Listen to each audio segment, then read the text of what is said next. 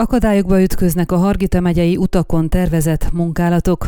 A nyersanyagok árának emelkedése mellett ezek hiánya is érzékenyen érinti az építőipart, de betervezett útkarbantartási munkálatokat is befolyásol. Borboly Csaba, Hargita megye tanácsának elnöke kérdésünkre arról számolt be, hogy útmenti szalagkorlátok felszerelése is tervben van a megyei besorolású utakon, de problémát jelent, hogy ide is begyűrűzött az útfelújításokat már jelentősen befolyásoló nyersanyagválság. Ezért egyelőre a cégek nem tudják biztosítani a korlátok leszállítását, ez a helyzet megoldásra vár. Idén több beruházásunknál is gondok fognak fellépni a nyersanyagválság miatt. Több érvényben lévő szerződésünk is veszélybe került emiatt.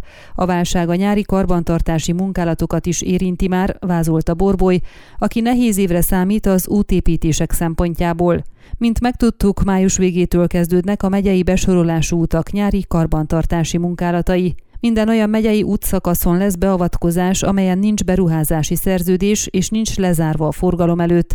Utóbbiak például a 174 céljelzésű út Bélvortól Szucsáva megye határáig, vagy a 125-ös Balánbányától Hágótőig. A burkolatjavításokon kívül a sáncok és átereszek takarítását, útfestést és a gyalogátkelők újrafestését is betervezték, minden aszfaltozott úton lesz kátyúzás. A felhasználható forrásoktól függően egybefüggő aszfaltréteg leterítése is tervben van egyes útszakaszokon, ismertette az elnök.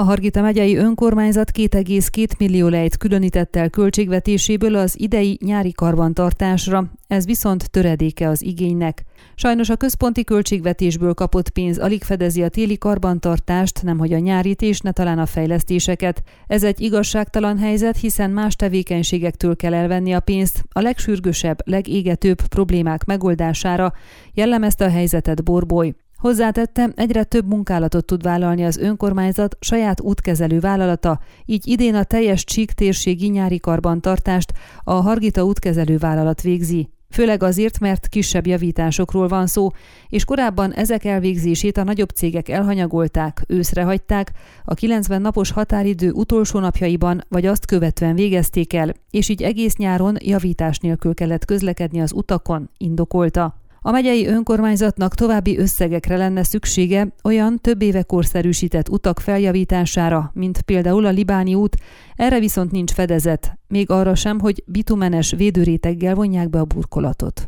Ön a Székelyhon aktuális podcastjét hallgatta. Amennyiben nem akar lemaradni a régió életéről a jövőben sem, akkor iratkozzon fel a csatornára, vagy keresse podcast műsorainkat a székelyhon.pro portálon.